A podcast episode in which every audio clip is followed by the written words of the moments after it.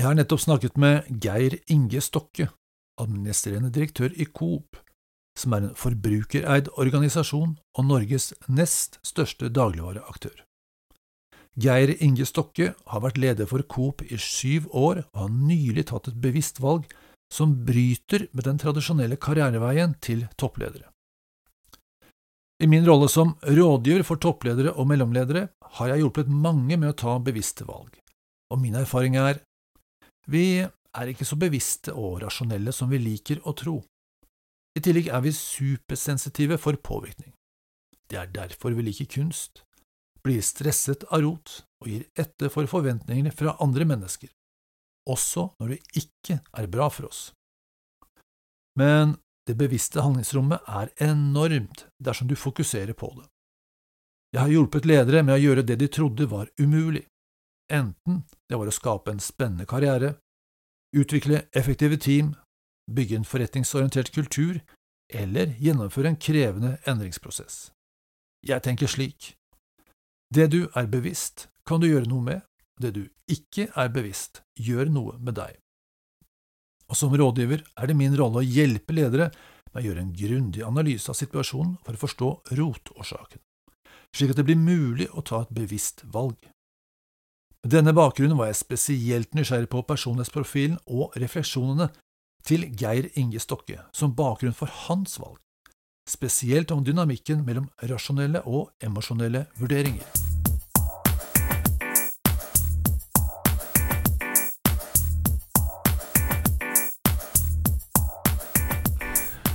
Du lytter til I Prosess, spesialister på innovasjonsprosesser og endringsledelse. Mitt navn er Tor Berntsen, og jeg sitter her i biblioteket på Grand Hotell med en veldig interessant gjest. Geir Inge Stokke, administrerende direktør i Coop, Hei, Geir. Hei, hei sann. Kan du si litt om Coop og hva som er spesielt med din rolle der? Ja, Coop er jo en av det tiende største selskapet i Norge, hvis en starter med harde tallene ja. uh, der. En 60 milliarder i omsetning, litt over det.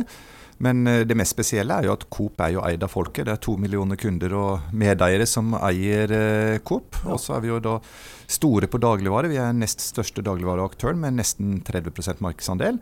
Og så er vi store på salg av eh, byggvare til private kunder, hvor vi er markedsleder og prisleder. Ja.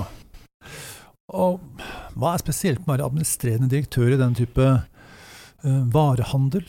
Nei, det er jo en uh, stor eh, organisasjon. 28 000 ansatte hvis vi tar med alle som er i butikk og i samvirkelagene. Ja. Og det skjer noe hele tida. Og det er stor fokus fra myndighetene, fra Konkurransetilsynet og fra forbrukeren. Mat er jo noe vi bryr oss om hele veien. Så det er alltid noen som mener noe om, om bransjen. Ja. Men det er en utrolig spennende bransje. Ja, det skjønner jeg.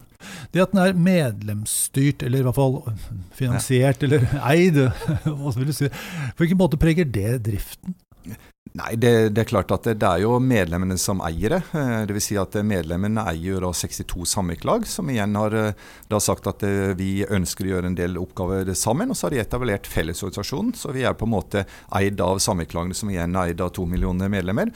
Og misjonen til Coop er jo at vi skal levere medlemsnytte. Altså ja. vi skal levere nytte til våre medlemmer. og det er jo gjennom eh, selvfølgelig økonomisk eh, utbytte, som vi da istedenfor at våre konkurrenter betaler jo det rett ut til familier, mens vi betaler det ut til våre to millioner medlemmer. Men det er også noe med å ha butikker der folk bor, gir de godt vareutvalg. Så det, det er mye som ligger i det. Ja, jeg skjønner. Jeg er, jeg er medlem selv. Og jeg har noen, jeg har noen tusenlapper som ligger sånn tilgjengelig et eller annet sted. Den går å hente når jeg har lyst. Du, Jeg er veldig opptatt av at våre lyttere blir litt bedre kjent med mennesket bak lederrollen. Og du har nettopp sluttet som administrerende direktør i Coop. Det er ikke spesielt i seg selv. De fleste ledere slutter jo en eller annen gang. Men du har gjort det uten en plan for veien videre. Det er det ikke alle som gjør. Kan du si litt om bakgrunnen for det valget? Ja, nei, det, det, er, det stemmer som du sier. For noen uker siden så var det da min siste offisielle arbeidsdag i, i Coop. Så, og det er veldig rart, da, for jeg har hatt noen fantastiske år og trivdes utrolig godt. Og fantastisk mye mennesker og veldig mye spennende. Men eh, da har jeg vært konsernsjef i sju og et halvt år. Eh, det har vært eh, tøffe år, men utrolig spennende år. Vi har gjort utrolig mye, mye spennende. Vi har kjøpt Ica, vi har eh, økt markedsandelen vår fra 22% opp til nesten 30% Vi har økt eh, overskuddet for Coop i Norge fra 800 millioner til 2,6 eh, milliarder osv. Så, videre. så at, det har vært en fantastisk reise. Men samtidig så løper du inn i et hamsterhjul. Det går fortere og fortere. Du holder på med det samme. Folkene rundt deg lærer deg å kjenne og vet nesten hva du tenker osv. Så, videre. så så jeg, på et eller annet tidspunkt så kom jeg liksom begynte å lure på kanskje jeg skal finne på noe annet. Hva annet har jeg lyst til å gjøre? Jeg vet ikke helt det. så eh, og når den hadde gått og modnes litt, så plutselig så kom konklusjonen da at eh, nei, nå har jeg lyst til å finne på noe annet. Og så skal jeg forsøke å bruke god tid på å finne ut hva det andre er. Og starte mm. med blanke ark og fargestifte til, da. Ja. Altså jeg må si, jeg syns det er en veldig spennende eh, situasjon du har satt deg selv i. Mm. Eh, og, og, jeg kan forestille meg at den, der, den åpne slutten den er jo både spennende, men den kan kanskje også være litt skremmende? kan det ikke være? Altså litt... Jo, det er helt klart. Det er med ordentlig sånn skrekkblanda fryd. Den ene hjernehalvdelen den jobber med alt det spennende du kan tenke deg og har lyst til å jobbe med og osv. Og, og, og, og det er jo den delen jeg ønsker å være i lengst mulig med å fantasere på nye, spennende oppgaver. Ja. Og så er den andre hjernehalvdelen som skriker litt sånn hjelp. Hva holder du på med nå, liksom? Hva gjør du om to år? Hva gjør du om fem år? Ja. Så så, det er litt sånn eh, motsatt. Men eh, eh, jeg må prøve å holde meg i den lekne hjernehalvdelen og, og, se og prøve å finne ut hva, hva jeg har lyst til å gjøre i framtida. Ja, planen er å bruke litt god tid på det. Ja. Og så har det jo blitt kjent med mye mennesker etter hvert, og, og noen har noe innspill. Så jeg, jeg bruker litt tid på noen kaffekopper her og der og, og kommer noen innspill. Da. Så, det, så, så, får jeg se, da. Men jeg prøver å holde meg lengst mulig oppå gjerdet og ja, vente med å falle ned. da. Jeg tror det er veldig, veldig eh, lurt at du gjør. For vi har jo en autopilot, eh, hjernen vår, som er liksom stammer fra den gang vi var jegere og sankere. Mm. Og som selvfølgelig har mange sterke sider, men har noen begrensninger også. Og det, dette her kan være en av de. Det er rimelig trygt likevel. Det er ikke så utrygt som det føles som innimellom. Nei, og, eh, og jeg er jo også en utgangspunkt en trygghetssøkende person, så det var nok veldig mange som ble overraska også her. Eh, der, men eh, det, det, av og til så man kaster seg ut i det. Ja. Og, og, det er vel det største jeg har kasta meg ut i, for å si det sånn. så får vi se hvor det ender. Vi skal dykke litt ned i din personlighetsprofil for å bli bedre kjent med mennesket bak lederrollen, og få kanskje få litt mer innsikt i, hvorfor du har valgt å skape dette veiskillet i livet. Eller kanskje motsatt, altså hva det betyr for deg å, gjøre det, hvor skummelt det kanskje er. da. Men la meg prøve meg på en liten påstand fra profilen din, eh, så får, vurdere, får du vurdere om du kjenner deg igjen eller ikke. Eh, din type har et solid grep på livets og arbeidets realiteter er gode, jordnære planleggere og skrider til verket med robust og om nødvendig aggressiv besluttsomhet. Eh, sterk påstand. Hva, kjenner du igjen dette, eller åssen er det? Eh, nesten alt. Eh, det jeg ikke kjenner meg den, den er siste aggressive. Den kjenner jeg ikke. Men fram til det så er det liksom sånn helt ja. innertier. Men jeg tror ikke noen av de rundt meg føler jeg er veldig aggressiv med beslutningsprosesser. Jeg ønsker å involvere folkene, og jeg ønsker at folk skal ta eierskap til å eie prosessen. og og, og, så er det klart også det I Coop så er, forventes det, og du skal også ha bred forankring på det du holder på med, for da får du også en enorm kraft når du skal gjennomføre det. Ja. Ja, men Vi kan bytte ut aggressiv da, med skal vi si, et sterkt engasjement. Det, det, kan jeg love. det, det har jeg. Eh, vi holder oss litt til profilen ennå. Eh, eh, jeg har, et, jeg har en sånn tanke om at kanskje, kanskje, dette er noe av bakgrunnen for valget ditt. da, Profilmessig. Jeg må bare komme en liten kommentar på dette. her. Eh, vi har 16 profiler, og så er det da nesten 8 milliarder mennesker i verden. Mm. 16 profiler er en grovforenkling. I tillegg så er da profilteksten er den samme om du er 25 eller 55. Så her, alt jeg kommer her, da, må tas med en stor klype salt, for å si det sånn. Men vi prøver oss. Så får du vurdere om det er, eh, stemmer eller ikke stemmer. Eh, din type praktiske her og nå-innstilling og besluttsomhet gjør at de noen ganger kan bli litt raske på avtrekkeren, overse de større sammenhengene og videre ringvirkninger av det som skjer. Derfor kan din type vinne på å utvikle sitt blikk for nye muligheter, ideer og sammenhenger. Og spørsmålet mitt da er Eh, hvis dette er sant, så har du kanskje hatt en karriere og et liv som har vært veldig sånn handlekraftig og målrettet, og at du nå sier til deg selv, vet du hva, nei, nå skal jeg ta en pause fra det og se det større bildet. Mm. Er, det noe, er det noe der? Ja, på, på, på, en måte. Det er klart at det, det har vært en ekstrem intens de sju og et halvt årene. Vi kjøpte ICA til å begynne med, og da gikk det så full fart at vi faktisk døgna når vi holdt på med det oppkjøpet. Ja. Så det var, det var, veldig intenst. Og sånn har det egentlig vært i sju og et halvt år. Men samtidig så har du jo bygd struktur, selvfølgelig. Orden, og du har passa på governance og, og, bygd planer og strategiplaner. og og Det gjør du på de store linjer, men du, du, er jo nede på din egen PC med å bygge dine egne strukturer og orden eh, der også. Så etter hvert så har du liksom alt inni et løp, og så blir det et hamsterhjul. Og så kommer du til et eller annet punkt hvor du kan tenke nei, kanskje nå har det vært eh, greit å ta en timeout, og så, og så gjøre noe på nytt og bygge opp en struktur og orden en eller annen plass ja. med et eller annet annet. Så det er, det er noe som trigger, trigger i det, da. Jeg er helt ærlig, jeg tror det blir veldig spennende å følge deg videre. Skal vi se. Du har fått profilen ESTJ. Og du har sett profilen og kanskje lest litt om den. Um, I hvilken grad vil du si at du kjenner deg igjen i profilen? Så er det 180-60% Hva tenker du? Ja, nei, eh, jeg må jo si at når jeg ser de store ordene om profilen, så er det jo innertier. Okay. Det er vel ganske, ganske, tydelig, så jeg kjenner meg godt igjen. Ja. Veldig godt igjen. Er det noe der du som absolutt ikke stemmer? La merke til at dette her er ikke meg, liksom. Det er helt feil. Nei, altså jeg, jeg blir egentlig veldig fascinert av sånne undersøkelser, hvor du liksom svarer på noen spørsmål og gjør noen vurderinger underveis, og så, og så kommer det en sånn tydelig tilbakemelding eh, der. og det, det Nei, jeg er fascinert over det. Ja, okay. Og det, det virker, og du, og du, kjenner meg igjen, og det er klart da tror du på det også på mange ja. måter. Og så er det, ja, det mer sant. den derre Kanskje et par av de ordene med aggressive, ikke sant. Eh, med for raskt på beslutninger. Det, det, er vel noen av de ordene da som jeg ville tona litt ned. Sånn, ja, ja. men det har nok kanskje noe med kultur og hvilken organisasjon han jobber i også, og hvordan han tilpasser seg. Jeg vet ikke. Ja, klart det. Eh, jeg har profilen ENTJ, det er ikke helt ulikt din. Og da jeg viste den profilen til kona mi, så hadde jeg liksom i mitt bakhode tenkt at ja, det som er bra her, det er meg. Det som er dårlig, det kjenner jeg meg helt igjen i. Og så leser kona mi profilen, og hun sier Tor, dette er deg. 100 ja. Og det som er dårlig her, det er i hvert fall deg. Ja. Så jeg bare tar deg sammen. Litt selvinnsikt er greit. Skal vi se. Du har kanskje mer selvinnsikt enn meg, da, skjønner jeg. Nei, jeg får vel noen av de samme ordene fra min eh, kone, jeg også, i ny og ne. Da skal vi gå gjennom de fire dimensjonene i din profil. og Min rolle er å forklare hvordan disse preferansene fungerer. og Så håper jeg du kan gi oss noen eksempler da, på hvordan dette preger deg, ditt lederskap og din hverdag. Eh, så blir vi bedre kjent med deg som, eh, som leder og menneske.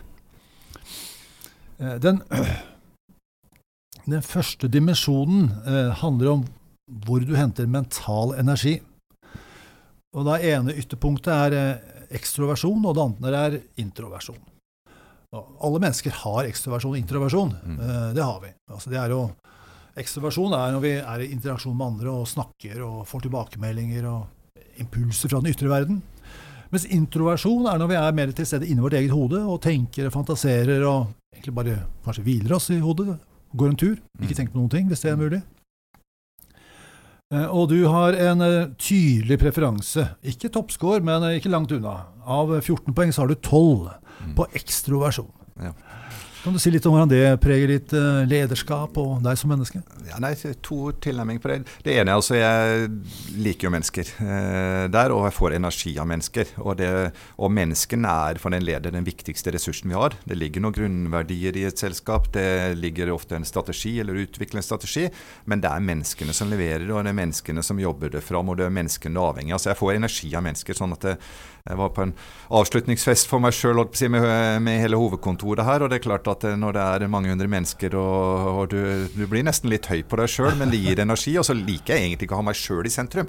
Så jeg, så jeg, er ikke på den andre siden så er jeg ikke den som vil være festens midtpunkt. Det, det, liker jeg ikke. Og jeg er heller ikke den som vil stå og danse på bordet eller fortelle vitser. sånn at jeg, Noen ganger har jeg tenkt at jeg er ikke ekstrovert uh, der, men så får jeg jo klare tilbakemelding at det, jo, du er ekstrovert, men ja. du har ikke behov for å være ekstrovert. Du kan uh, trives veldig godt i mitt eget selskap, og jeg syns det, det, er godt å være alene også, og ikke minst sammen med kona, selvfølgelig, og, og slappe av der. Men mennesker gir energi, og det, menneskene er den viktigste ressursen. Ja. Så jeg kjenner meg godt igjen.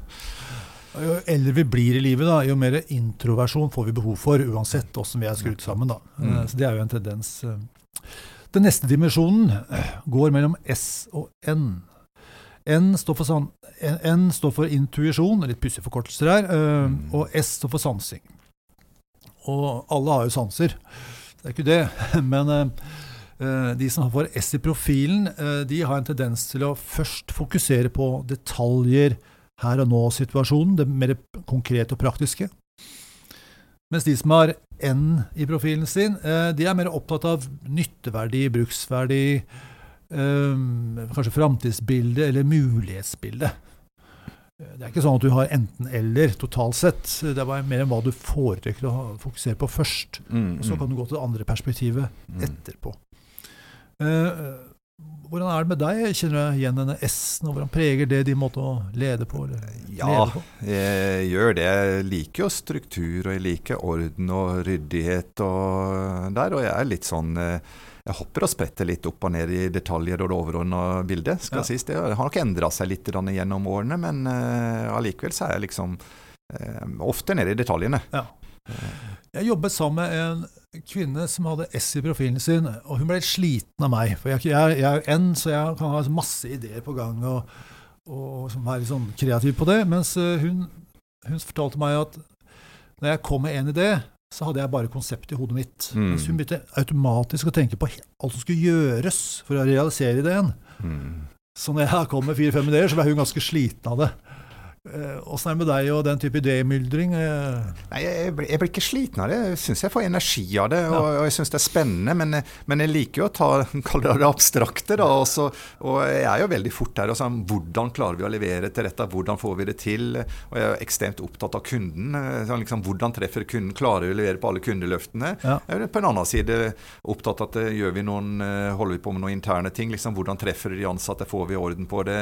Gir det løsninger? Og da, og da er jo liksom eh, Når noen har gjort noe fantastisk og bra og skal ha det ut, så er jo liksom Ja, ligger det der det bør være? Er det på intranettet? Kommer det tilgjengelig? Eller fungerer appen ut til våre eiere og medlemmer? Så, ja. så, så jeg spretter att og fram. Men, men jeg, det, det, er noe med Blir det for abstrakt, og er vi for lenge der, da blir jeg nok eh, litt utålmodig. Ja. Og, og jeg er jo litt sånn der som sier kommer vi en sak i konsernledelsen. Så jeg liker at det skal være godt forberedt en sak. som vi skal liksom planlagt At vi skal diskutere en skal ordentlig saksdokumenter. Det skal ikke være sånn at du spretter opp med fire-fem nye ting hvert møte uten at vi andre har forberedt oss. Nei, det skjønner jeg. Så, men eh, vi, vi, trenger litt forskjellige mennesker. Det er ja, viktig. Men Kan det være en begrensning i det? Jeg hører at det er mye uh, nyttig praktisk kvalitetssikring ja. i den profilen, uh, i S-perspektivet, da, men kan det være slik at det blir for lite demyldring? At du, at du går, for, går, for, raskt til det praktiske? Er det, er, er det mulig fare, liksom? Ja, det kan, kan nok være, være, det. For det, det, er liksom det å tørre å være høyt nok oppe i trakta når han har diskusjonene, og så, og så drar det ned etter hvert. Altså, ja. det, det, er en god kunst. Og så er det noe med av og til så er det jo kanskje litt sånn at det, no, noen går den veien hele veien før du tar med andre. Og da er det ikke alltid at folk er med på hele reisen heller, for da har de ikke starta bredt nok opp uh, der. Og det har, kanskje noe med at eh, folk som uh, som er, ha, har den delen, da, at de må også få lov til å, å, være med på reisen. Ja, ikke sant. Den tredje dimensjonen handler om hvordan du tar beslutninger. Og Det går mellom preferansen T, altså tenkning, og F for følelse. Alle tenker, alle føler, så det, det handler ikke om det. Men i dette systemet da, så er det de som uh, har en F i profilen sin uh, Jeg stussa litt på begrepene jeg husker når jeg lærte det første gangen. Det er liksom, De tar verdibaserte beslutninger. og Det vil jo indikere at hvis man har en T, så har du ikke verdier. Det er ikke det det er ment som, egentlig. For uh, jeg er en T, og jeg har klart sterke verdier. Er, ordet verdibasert er mer at det er en sånn um, emosjonell, rasjonell vinkling. At du kjenner mm. i magefølelsen du kjenner at dette er riktig. Mm. Og da har du i og for seg, nesten, når du kjenner noe, så har du nesten tatt valget allerede. Mm. Men så kan du da gå og dobbeltsjekke om det er smart i tillegg, altså gå til T-en etterpå, da. Mens de som har T-profilen sin, de er motsatt. De, eh, de eh, gjør en logisk eller rasjonell analyse av det, nesten som en ligning som går i hop. Mm. Og så kan du etterpå kjenne etter om det er riktig eller feil. Da. Det, det avhenger av hvor sterk magefølelsen er. Da. Det er ikke alle som Mm. har så sterk magefølelse.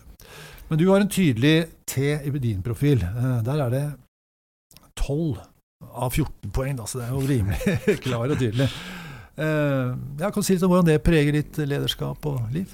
Nei, jeg, jeg litt, vi har vært litt innom det. Liksom, eh, du ønsker å ha en plan, du ønsker at det skal være godt gjennomarbeidet, du skal gjerne ha et godt business case, du skal føle det er riktig. Og så skal det vel sies at det, det, kanskje, det har kanskje endra seg litt med årene også, at du får litt mer sånne magefølelse på noen ting som, som du må gjøre. Og så er det kanskje det også noe med erfaring, og så er det noe med at eh, alt måles ikke nødvendigvis i kroner heller.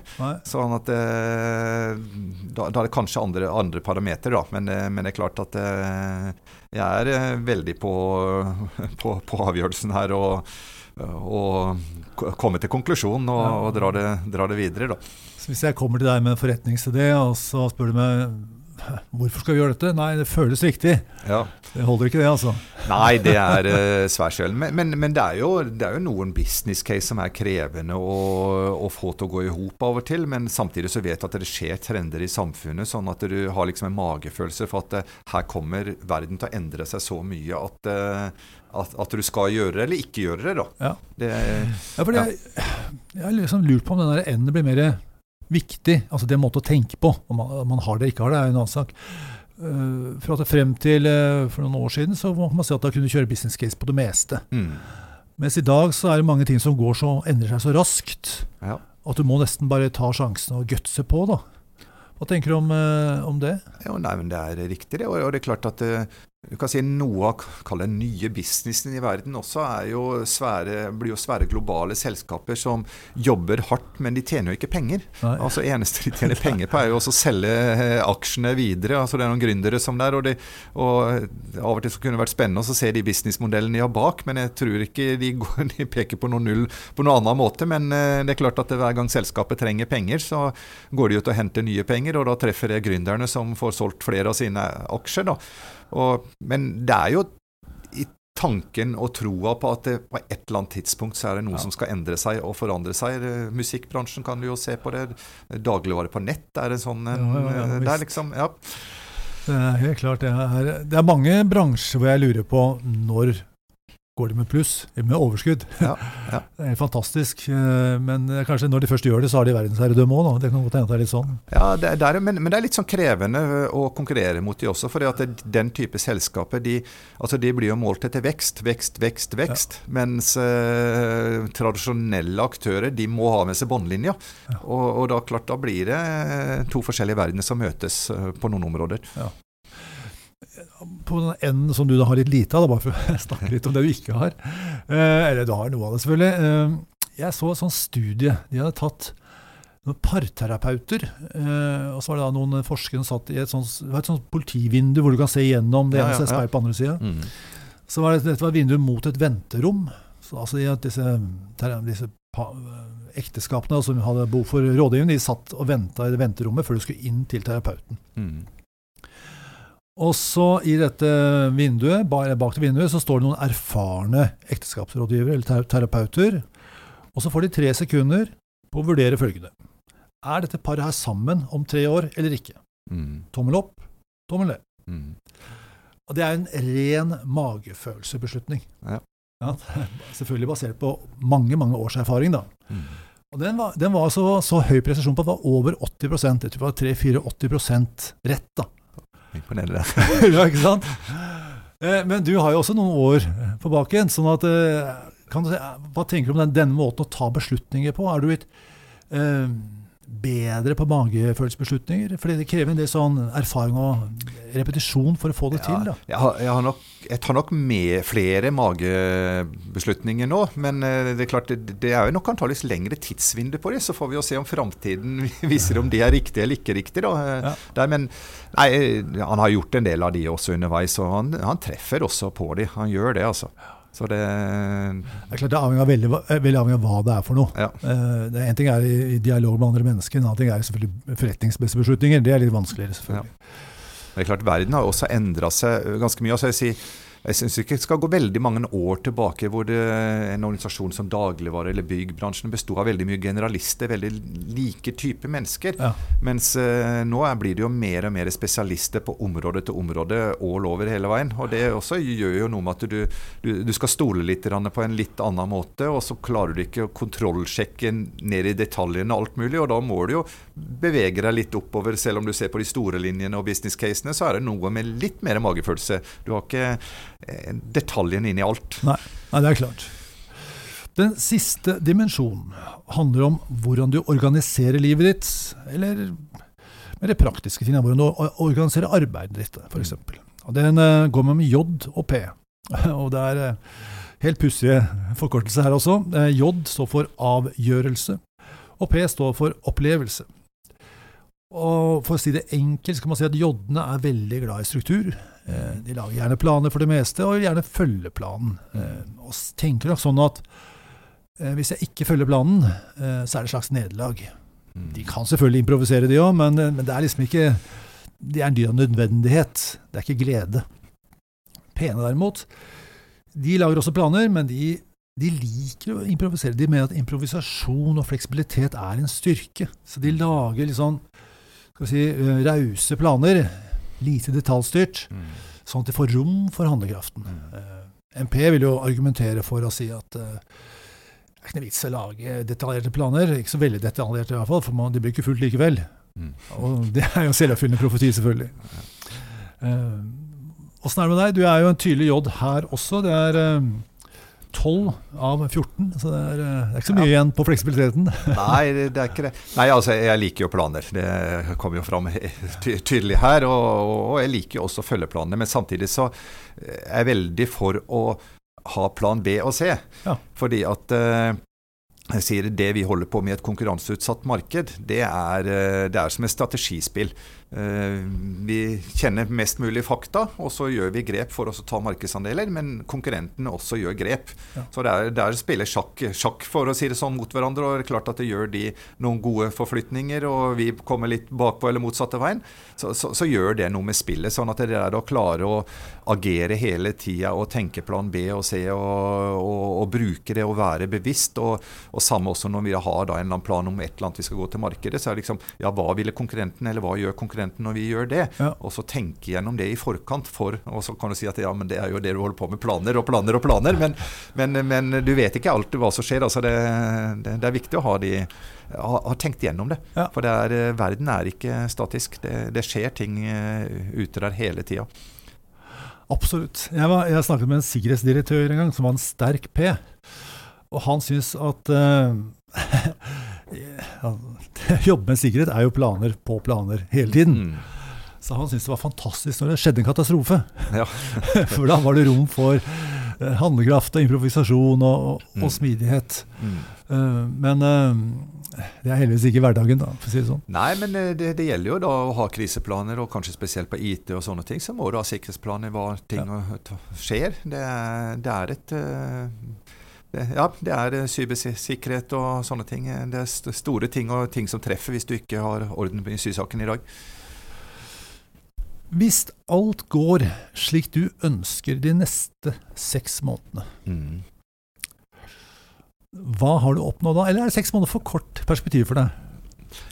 Altså Pla planen min er jo at uh, jeg da om seks måneder fortsatt uh, Eller at dere da har kommet lenger i tenkeprosessen og fått tid til å tenke. Ja.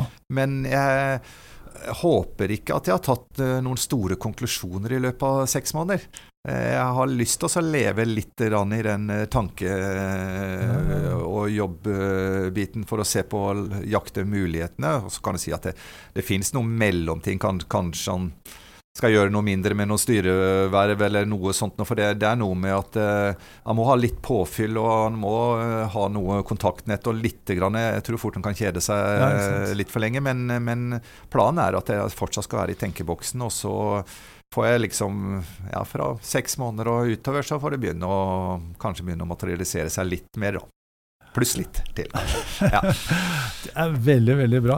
Men da, da tror jeg jeg kommer til å ringe deg om seks måneder og sjekke hva som skjer. Altså. Det er spennende, det. Kanskje vi kan få en, en, en trinn to i denne podkasten her. Jeg er veldig spent sjøl, iallfall. Ja, da er vi nødt til å avslutte, og hensikten med denne refleksjonen er økt bevissthet. For vi tror at det du er bevisst, kan du gjøre noe med, og det du ikke er bevisst, gjør noe med deg. Da sier jeg tusen takk til deg, Geir.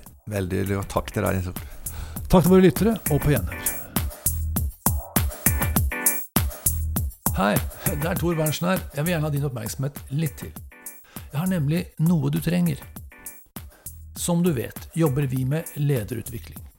Og tradisjonelt har det vært å utvikle ledergrupper eller gjennomføre lederprogram på konferansehotell. Gjerne kombinert med coaching på ditt eller mitt kontor. Det gjør vi fortsatt. Men nå har vi også online lederprogram som gjør at du kan utvikle deg selv og dine ledere uten en ekstern konsulent, eller med bare litt støtte. Hva betyr det for deg som leder? Jo, to ting. Du kan utvikle mange mennesker samtidig, og prosesser som tidligere ville tatt mange år, kan gjennomføres i løpet av uker og måneder.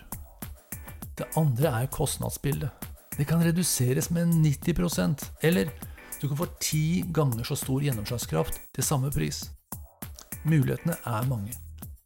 Gå til iprosess.no, eller enda bedre, ta kontakt på post at iprosess.no. Så kan vi avtale en prat om hva som passer for deg og din virksomhet. Vi snakkes.